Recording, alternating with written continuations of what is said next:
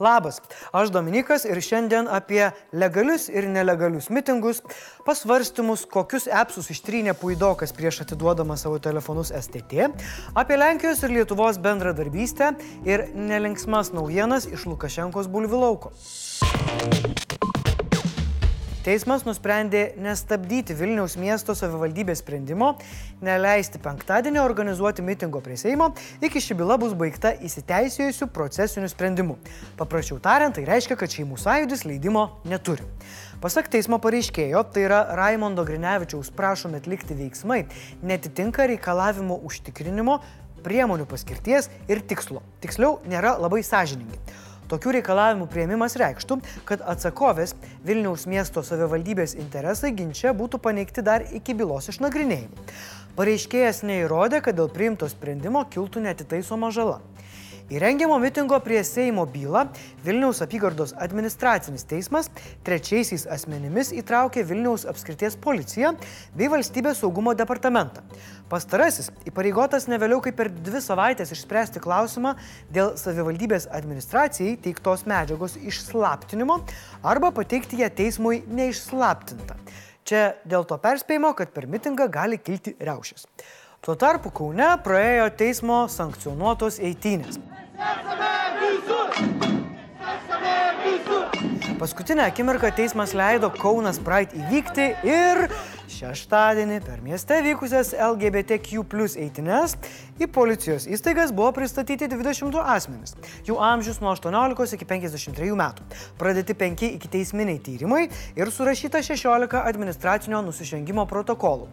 Ir šie asmenys ne eitinių dalyviai. Jie raštinė iškeliavo ir mūsų saugojantis herojai už tai, kad, cituoju, atstovėjo už Kauną ir už šalį. Ačiū, iškart jaučiuosi saugiau, kai žinau, kad mūsų saugo rimti Bonduel žirnelių išvaizdą turintys kauniečiai. Policija dar tyria įvykį, kai pasibaigus eitynėms Kestučio gatvėje maždaug 20 metų jaunuoliui iš švarko goptuvo buvo įmestas dūminis užtaisas. Kitam kartu ėjusiam vyrui suduota. Vienas įtariamasis sulaikytas. Apskritai, Kauno policijos teigimu, eitynės praėjo sklandžiai, be didesnių incidentų. Teigiama, kad nei eitynių dalyviai ar atvykusiai pasižiūrėti, nei pareigūnai nenukentėjo. Pareigūnai dėkoja gyventojams savo poziciją reiškusiems pagarbiai ir be smurto. Mes irgi dėkojame ir laukiame eitynių Vilniuje. Artimiausios eitynės, kiek girdėjau, bus maršiečių, nes sakė, kad mitinguos ir be leidimo. Tokia kiek įdomesnė naujiena, tokia paslaptinga. Apie puidoką. Na, apie jį nebūna liūdnų naujienų, išskyrus, kai į Seimą patenka. Žodžiu, Pamenate, kai daktaras Mindaugas turėjo akistatą su STT pareigūnais? Prisiminkim. Kai tu sakai, kad tau trūksta oro ir tave toliau smaugia, panašiai kaip Amerikoje, va tą e, juodavodį žmogų. Tai viskas dar nesibaigė. Per kratą, panaudoję jėgą, pareigūnai iš Puidoko paėmė du jam priklausančius telefonus. Kaip nurodo generalinė prokuratūra, atliekant iki teisminį tyrimą dėl bandymo papirkti Seimo narį Matą Maldeikį, buvo gauto specialisto, tyrusio paimtų mobiliųjų telefonų informaciją išvados. Ir paaiškėjo, kad iš telefonų buvo ištrintos dvi programos su duomenimis. Primenu, kad kai Puidoko kabinete STT pareigūnai vykdė kratą, norėta iš Seimo nario paimti jo mobiliasias ryšio priemonės. Tačiau apsukrusis darbo partijos narys pasiprašė į tualetą su abiem telefonais. Mane į jį lydėjo STT agentas bei aiškiai girdėjo kolegos, kas tas, tas poras minučių, ką aš ten veikiau. Na ir tik po to jo siusiuko mobiliakai ir buvo atimti. Darbėtis, aišku, apie ištrintas programėlės visiškai nieko nežino. Sakė, negalys komentuoti, nes telefonuose nieko netrynė ir nesupranta, apie ką iš visai eina kalba. Aš irgi manau, kad tas programėlės ištrynė patys pareigūnai. Pamatė, koks puidoko Candy Crush lygis ir už pavydėję ištrynė. Ir dar YouTube pašalino, kad daugiau samokslo teorijų nebežiūrėtų. Seimo narys tyrime dėl kyšio apklaustas kaip specialusis liudytojas. Šis statusas asmeniai suteikiamas, kai jis apklausiamas apie savo veiksmus, bet pagrindo įtarimams pareikšti nepakanka. O dabar pagrindinis klausimas jums, mano myli žiūrovai. Komentaruose parašykite savo versijas, kurias programėlės Puidokas galimai pašalino iš telefono. Ar jis slėpė informaciją dėl kyšio, ar kažką visai kitokio pobūdžio. Komentaruose apačioje aš tikrai, tikrai paskaitysiu. Lietuvos užsienio reikalų ministras Gabrielius Landsbergis su Lenkijos diplomatijos vadovu Zbignevu Rau pasikalbėjo apie neteisėtą migraciją ir tarpusavio santykius.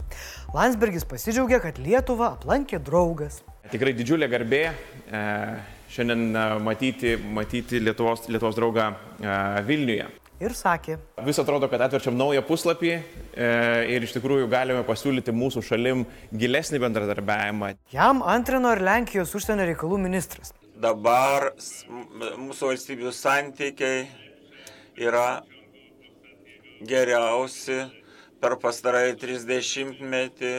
O žinot ką, aš pasakysiu. Baka.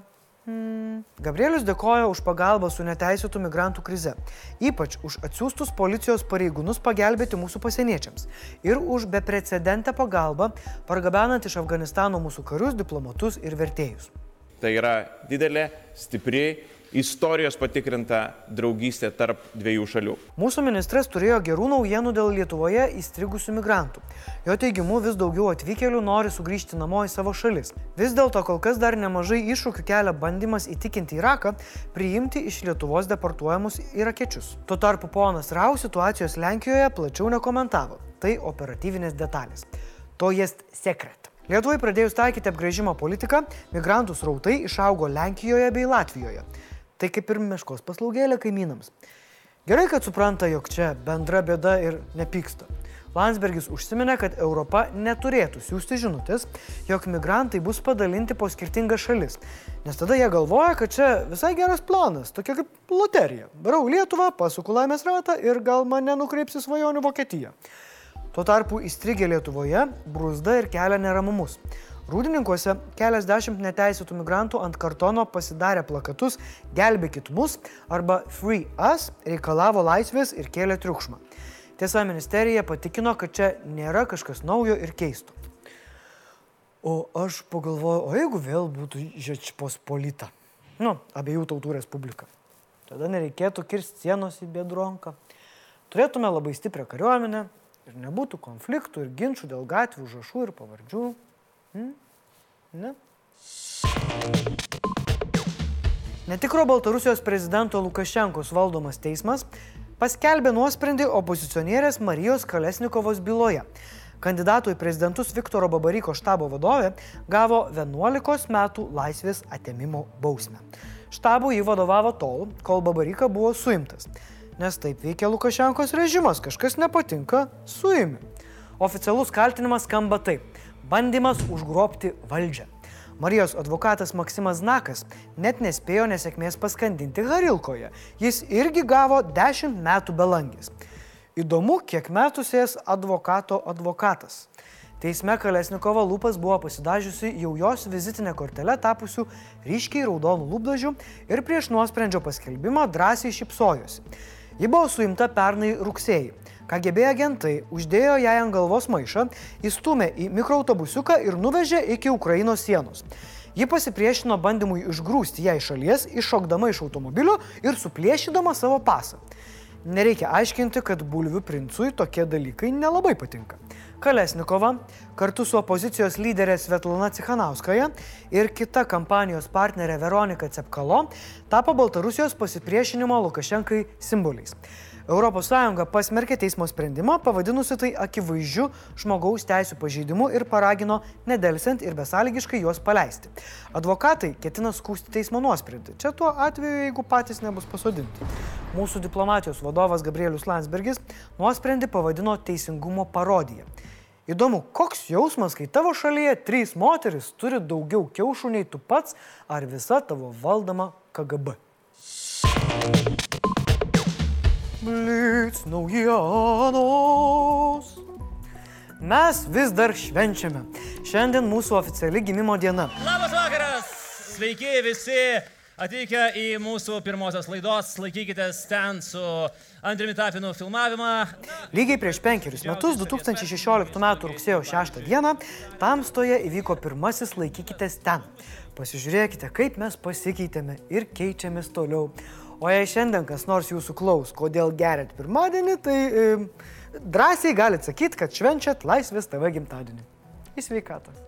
Du Lietuvos muitininkai per klaidą buvo išvežti į Rusiją. Jie penktadienį Rusijos pasienyje tikrino traukinį Maskva karaliaučius.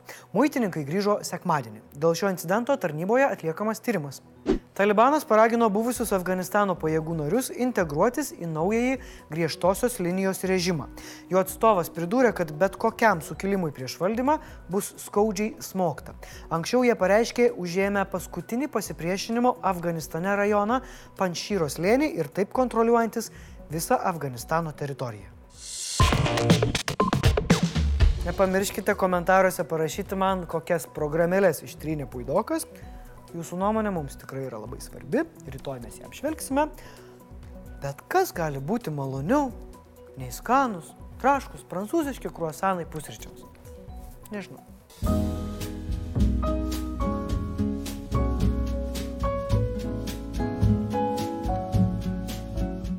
Susitiksime rytoj, šiandien tiek žinių.